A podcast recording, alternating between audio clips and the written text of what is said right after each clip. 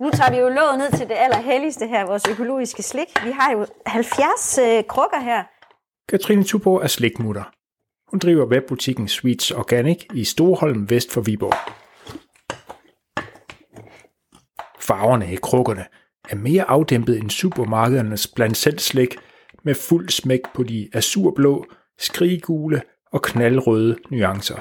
Økologisk slik må nemlig ikke indeholde farvestoffer. Nu hiver vi lo- lige lågene af, så vi kan komme i gang med at blande dagens øh, slikposer. Det er farvestofferne i slik, denne podcast handler om. Mit mål er, at du tænker mere over mængden og kvaliteten af det slik, du, dine børn eller børnebørn spiser. Du lytter til anden episode af Farverigt fredagslæg, festligt eller fatalt. Her løfter vi låget af for svar på, om farvestoffer kan være skadelige. Du smager også et stykke farvestrålende svar på, om EU kun beskytter dine interesser som forbruger, når de regulerer farvestoffer i slik. Podcasten er produceret af mig, Peter Nordholm Andersen. Det har jeg gjort som et led i Økologisk Landsforeningsprojekt Økologi, fælles om et bæredygtigt fødevaresystem. Projektet er støttet af Fonden for Økologisk Landbrug. Når jeg elsker slik, og når jeg øh, altid vil spise økologisk, så var det bare lidt svært, når det blev fredag. Katrine Tuborg er vild med økologi, og hendes livret er blandt selv slik. Hvis jeg skulle have økologisk slik i min øh, fredagsslikskål, så var det bare så kedeligt. Der var måske... Hvorfor? Hvordan? Jamen fordi, at øh, der er ikke noget udvalg. Måske var der øh, fire varianter i den lokale helsekost, men det er jo ikke en fest i en fredagsslikskål i min verden. Der skal du virkelig have et kæmpe udvalg at vælge imellem, og der skal både være noget af det sure, og noget af det søde, og noget der knaser osv. Men det er bare så vigtigt, at det kun er slik, at det ikke samtidig er kemi. E171 er blandt de 41 farvestoffer, EU har tilladt i fødevarer. Det bliver blandt andet brugt til at farve konventionelt slik hvidt, eller rettere sagt blev. EU har nu indført et forbud mod E171, eller titandioxid, som det også kaldes. Det blev besluttet efter en EU-komité i maj 2021, konkluderede, at titandioxid kan skade vores DNA og er mistænkt for at være kraftfremkaldende. Den EU-proces er Stine Wuholm fra Forbrugerrådet Tænk kritisk overfor. Hvis det, det skulle alene tage hensyn til forbrugerne, så så vi selvfølgelig gerne i endnu højere grad, at det var et forsigtighedsprincip, mm. så lige snart man havde en, en mistanke øh, om nogle sundhedsrisici ved et øh, tilsætningsstof, at man så på grund af forsigtighedsprincippet lavede et, øh, et forbud. EU's forbud mod titandioxid trådte i kraft 7. februar 2022. Frem til 7. august 2022 var det dog fortsat tilladt at producere og sælge fødevarer med indhold af E171. Og derefter kan fødevarerne endda markedsføre frem til, at deres holdbarhed udløber. I alt går der altså langt mere end halvandet år fra EU-komiteens konklusion til slik med titandioxid er fuldt udfaset i EU. Så der er selvfølgelig et forbrugeraspekt i det her med, fra noget mistænkes til det videnskabeligt vurderes, at der er en sundhedsrisici risici ved det, og til det så rent faktisk bliver forbudt. Der går jo en eller anden tidsrum, der må, vi mener måske nok er lidt for langt øh, nogle gange, og der er jo et eller andet vakuum, hvor det er op til forbrugeren selv at skulle være opmærksom på at, at undgå det her. I det her tilfælde har det jo så været øh, E171, som der har været en lang overgangsperiode, som ja. er et hensyn til producenterne, hvor de kan nå at omstille produktionen og få brugt det emballage mm. op, de, ja. de har trykt og sådan noget. Men der har man jo længe vidst, at forbuddet skulle komme, og man havde som forbruger ønsket, at forbuddet kom ja. fra dags dato. Ja, men det der, altså, når man står nede ved de blandt selv øh, slikhylder der, særligt hvis man nu har nogle børn med, der får lov at tage måske 10 eller 15 stykker slik, alt efter hvilken ordning man har, så er det virkelig en jungle, som forbruger skulle stå og læse varedeklarationerne på de der blandt selv skuffer, og så genkende, om der er et bestemt farvestof i. Det er bestemt ikke let, og det vil også være de færreste forbrugere, der gør det. Og ja. det er jo også derfor, der er brug for, at vi har noget ordentlig lovgivning, der sikrer et bundniveau, vi, vi alle sammen kan være, føle os trygge ved. Måske husker du Michael René fra første episode af vores podcast. Michael René er ekspert i smagstest. Ved siden af sin lektorstilling og undervisning i sund madkultur, er han typen, der bruger rigtig meget af min fritid på at lave smagstest for den danske presse, så jeg har nok smagstestet noget, der ligner en, en, en 2-3.000 varer sådan, igennem de sidste 20 år, og elsker det. I episode 1 kan du høre, at han har testet tre poser slik for e-nummer. ligesom han nærlæser mange andre varedeklarationer. Han er helt enig med Stine Wuholm i, at det som forbruger er svært at tjekke, hvilke e-nummer der er i eksempelvis slik. Det er ikke alle e-numre, der, der er deklareret med nummer. Altså, de er som regel skrevet ud ved navns nævnelse, og det er fuldt lovligt. Og så var der et enkelt produkt, hvor der var sådan halvdelen var angivet som nummer, mm. og den anden, er, den anden halvdel var angivet med navns nævnelse.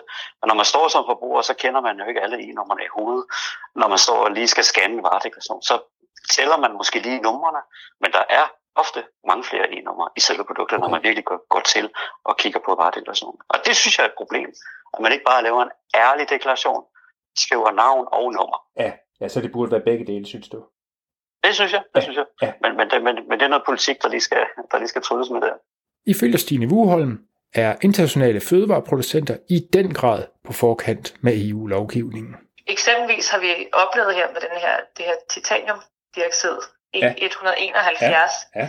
at øh, mange af de producenter, der producerer internationalt og har produkter i, i mange forskellige lande, der øh, har vi gennem vores europæiske organisation øh, blevet bekendt med, at nogle produkter, der det danske supermarked indeholdt E171, var der præcis samme produkt i nogle andre lande, som ikke havde det. Altså lige snart der er nogle lande, der begynder at have, have forbud, det ser vi også med azofarvestofferne, at, at USA og, og Norge er lidt længere fremme og har nogle forbud, så er der jo nogle producenter, der allerede begynder at tænke de baner om, hvordan de så kan, kan udfase det og producere det, det uden, og så kan det godt være, at der er et restmarked, der fortsætter i nogle af de lande, hvor det ikke er blevet forbudt endnu. Men det er igen bare med til at pege på, at så er det jo muligt at lave produkter nu. Det er ikke nogen nødvendige. Og det er netop det, vi kan jo øh, gøre andre ting og tilsætte andre ting for at, øh, at få nogle, nogle andre fine nuancer af farver, ja. selvom det skal ikke helt lige så pang-pang. Da jeg besøgte Svits Organic i Storholm, tog jeg en farverig gave med til Katrine Tuborg. Skal jeg kigge ned i den? Ja, ja. ja da. Og det er jo så... Nu skal du åbne den der, ja. Jamen så dog. kan jeg røbe, du kan se, øh, du kan blande til jordbærdrømme med jordbærsmag. Okay. Inklusive farvestoffet E120. Der er muslingeskaller med farvestofferne E160E og 141. Nå. Der er konfetti i tre, fire farver med tre forskellige øh, farvestoffer. Der er Fuzzy Pop stænger med jordbær og banansmag. Mm-hmm. Der er mhm. også et, et farvestof i. Og så er der ægte frugt.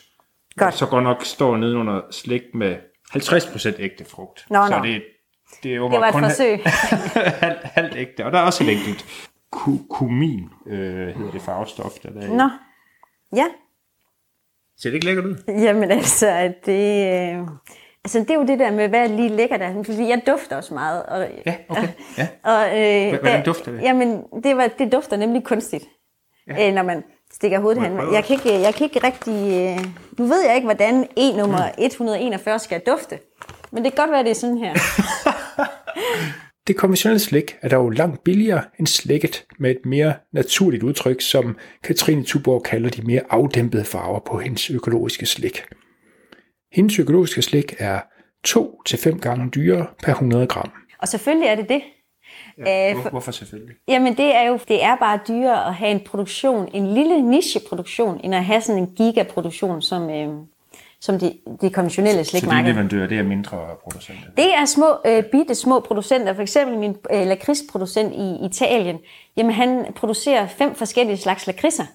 Og han, man, man kan se på hans øh, hjemmeside, hvordan de kører rundt øh, nede på de stejle skråninger og skræller de der lakridsrødder op af jorden. Øh, selvfølgelig er det dyrere at producere på den måde. Det er jo også en mere mekanisk produktion end den øh, konventionelle, hvor du jo kan sprøjte dig ud af problemet, mm. hvis der er en afgrøde på din mark, du ikke er interesseret i. Det gør man jo ikke i den økologiske produktion, der er det jo mekanik.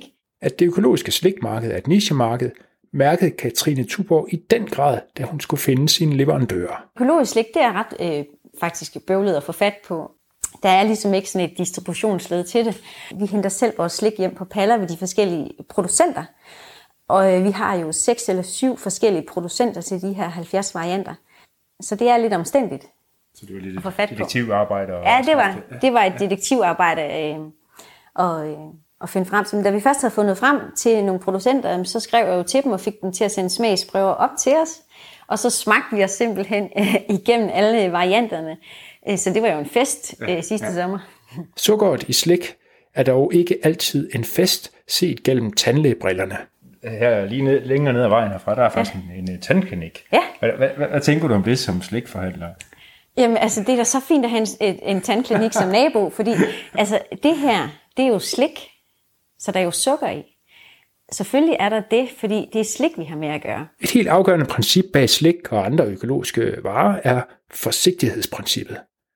Man sprøjter ikke med syntetiske pesticider på markerne, fordi rester af dem kan ende i vores fødevarer, eller måske endda i grundvandet, og fordi farvestoffer måske, måske ikke er skadelige for os, er de også no-go i økologisk slik. Det er også derfor, at jeg spiser økologisk. Jeg ved godt, der er mange eksperter, der slår sig om, hvor usundt er det egentlig at spise pesticidrester og spise enum osv. For mig at se, så kan de slås alt det, de vil. Fordi når man tænker sig om, så giver det ikke mening at spise det. Og det er en af grundene til, at jeg spiser økologisk, både når jeg spiser guldrød og når jeg spiser slik. Det er det her med. Det eksperiment, det vil jeg simpelthen ikke lave med min krop, eller min børns, eller for den sags skyld nogens andre. Når du siger eksperiment, hvad, ja, hvad tænker du så det på? her, jamen det her med at spise sådan en cocktail af pesticider eller af e-numre, for mig at se, så er det at eksperimentere med din krop. Jeg tænker aldrig, det har været meningen, at man skulle spise rester af Roundup for eksempel. Eller at man skulle spise øh, farvestoffet E141. Og, og hvorfor egentlig? Fordi vi kan jo klare os uden. Så det er det her med better safe than sorry, og forsigtighedsprincippet, det, det giver så god mening. I en baggård ved Københavns Universitet møder jeg en ekspert i de fremmedstoffer, vi blandt andet får via fødevarer. Jeg hedder Lisbeth Eller Knudsen, og jeg er professor i toksikologi på Københavns Universitet, Institut for Folkesundhedsvidenskab. Mens vi går mod professorens kontor, begynder Lisbeth E. Knudsen at svare på, om farvestoffer i slik er en del af et eksperiment, vi bør undgå.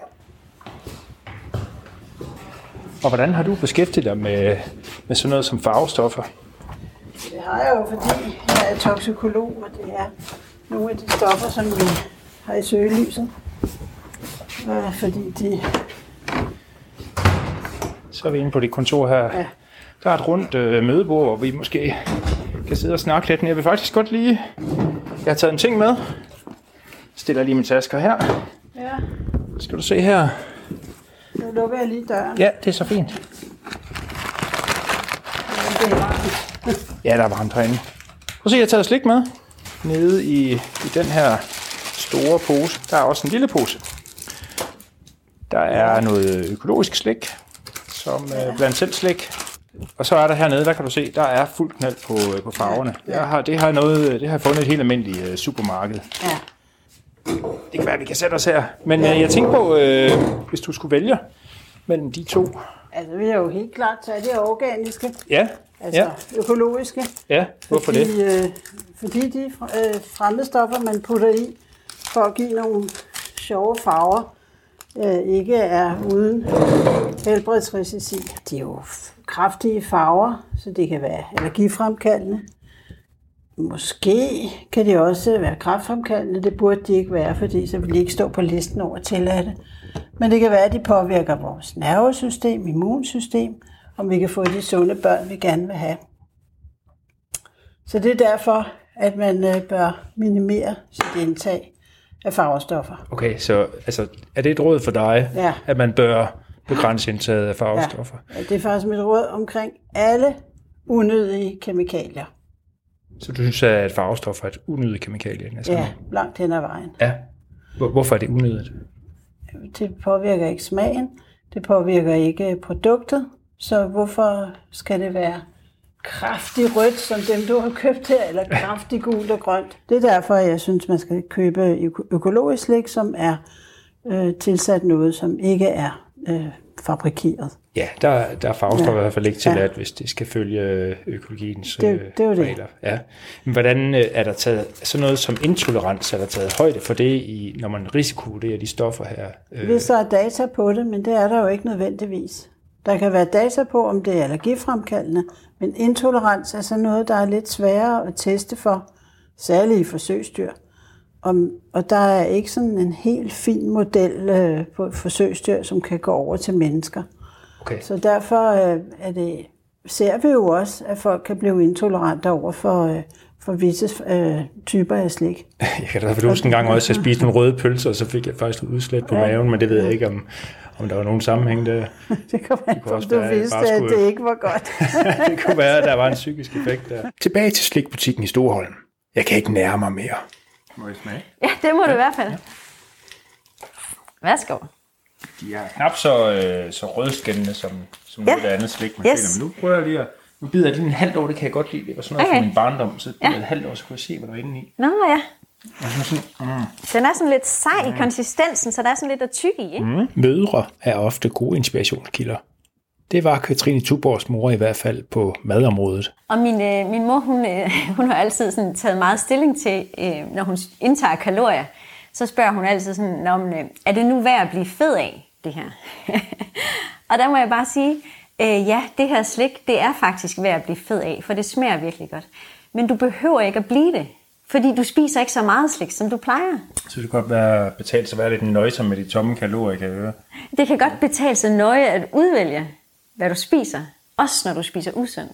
Så vælg nu noget, der faktisk smager bedre, og som samtidig er et sundere valg for din krop. Lisbeth E. Knudsen går bestemt også ind for nøje at udvælge det, du kommer i slikskålen. En ting er nogle bestemte farvestoffer, men så er der også nogle økologiske forbrugere, der er nervøse for cocktaileffekter. Ja. Altså for eksempel mixet af pesticidrester, de må mm. indtage med, mm. med kosten for eksempel, og øh, antallet af E-numre herunder farvestoffer, og måske andre kunstige det, produkter. er kosmetik, de Er- bruger. Ja, Det, der måtte være i fødevarene, nu ser du pesticider, det har vi jo fokus på drikkevandet, men der er jo også rest i fødevarer, og hvis der så også kommer noget fra deres kosmetik og fra deres slikindtag, luftforurening, ja, så har vi en fin cocktail, som øh, måske kan gøre, at, øh, at man bliver udsat for meget mere, end man troede, fordi det kommer fra flere forskellige kilder.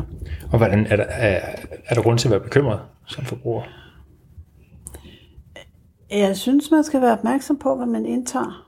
Derfor er hendes konkrete råd også at købe de slik og andre fødevarer med økologimærke. Og derfor synes jeg, at hvor man overhovedet kan undgå at udsætte sig for stoffer og luftforurening, så gør det. Når du øh, sidder her som toksikolog og anbefaler økologiske varer, er du, er du så enig, altså er dine kolleger enige med dig, eller er det et synspunkt, du står alene med? Øhm, Nej, nej, det er vi alle sammen enige om. At øh, hvis du vil nedsætte belastningen, så øh, er det klart, går man økologisk, så nedsætter man det. For der er ikke de tilsætningsstoffer i. Om folk så følger det, om det er praktisk muligt, det er jo så en anden sag. Men øh, for langt de meste forbrugerprodukter, så kan du jo købe økologisk. Ja, Altså ja, grøntsager, frugt og slik. ja. Hvad Og synes mel. Du? Ja, og mel. Ja, ja. Ja. der er, ja man kan så ja. sige lige på slik, der er udvalget jo nok lidt lille endnu, men ja. Det, skal, det er jo klart, at det er jo også et spørgsmål om efterspørgsel for Ja, det forbrugerne. vil, det vil nok også være godt at ja. få nogle, nogle flere muligheder ja. der. Hvad synes du generelt om økologiens forsigtighedsprincip? Jo, men det er jo det, jeg hylder. Altså, det er jo det, er jo det vi som toksikologer lever efter. Så, øh, så hvis ikke vi ved, hvor farlige tingene er, så må vi tage udgangspunkt i, at det er, er farligt. Okay. Og hvad, Det er det, der er Og forsigtighedsprincippet. sådan i forhold til den måde, som EU-systemet i forhold til at godkende for eksempel farvestoffer på, øh, er du, er du tryg ved altså den måde, om der bliver taget nok hensyn til os som forbrugere? Øhm, som du lige selv har sagt, så er det jo sådan, at der er stoffer, der er taget af listerne Ja. igennem de sidste 10 år. Og det er jo udtryk for, at vi er blevet klogere. Så derfor er jeg ikke 100% tryg ved, at øh, vi får alle effekter med med de lister, der er. Men øh, det er jo godt, der er nogen, der revurderer dem indimellem. Altså mange af de stoffer, som var tilladte for 50 år siden, er ikke længere tilladt, fordi vi blev klogere. Mest i virkeligheden på grund af dyreforsøg. Det er meget sjældent, at det er data fra mennesker, fordi de er svære at samle sammen. Og vi er nødt til at have tillid til myndighederne. Altså, det er vi simpelthen. Men det ligger måske også lidt i danskerne, at vi godt vil... Ja. Øhm, ikke Udfordre nødvendigvis, det. ja, udfordre Ja, autoriteter, ja. og det er måske også lidt, lidt derfor, det er min egen lille tese, ja. at vi faktisk har sådan noget som fredagslæg og hygger, og måske lige ja. åbner et glas vin til weekenden. Ja, det er vi- så udfordringen i form af at sige, ej, nu er alt jo farligt. Kan vi da ikke få lov til at leve? Ja, Men forsigtighedsprincippet er jo, hvis ikke du ved, om det er farligt, så lad være med at, at udsætte dig. Så, Så en anden ting er, hvis man bevidst vil, vil slække lidt på, på hverdagens ja. øh, hvad hedder det, kasser og, ja. og hvad hedder det, hamsterhjul, eller hvad det nu måtte være. Jo, jo, men så find noget andet, der ikke er ukendt. Hvad, hvad tænker du på? Det tager tørret økologisk ja. frugt. Øh, altså, lad være med at købe det der slik, der er gulgrønt eller skriblåt. Bare for at, at gøre oprør. Det går kun ud over en selv. Og børnene. Og børnebørnene. Du har lyttet til Farverig Fredagslik, Festigt eller Fortalt. I tredje episode dykker jeg ned i den danske hyggekultur for at plukke konstruktive forslag til, hvordan vi kan dreje indholdet i slikskålene mod mindre mængder og færre farvestoffer. Du kan høre flere andre godbidder i Økologisk Landsforenings podcast Univers Økopod. Det finder du på økologi.dk-podcast. Flere af de øvrige podcasts har jeg, Peter Nordholm Andersen, produceret. Tak fordi du lyttede med.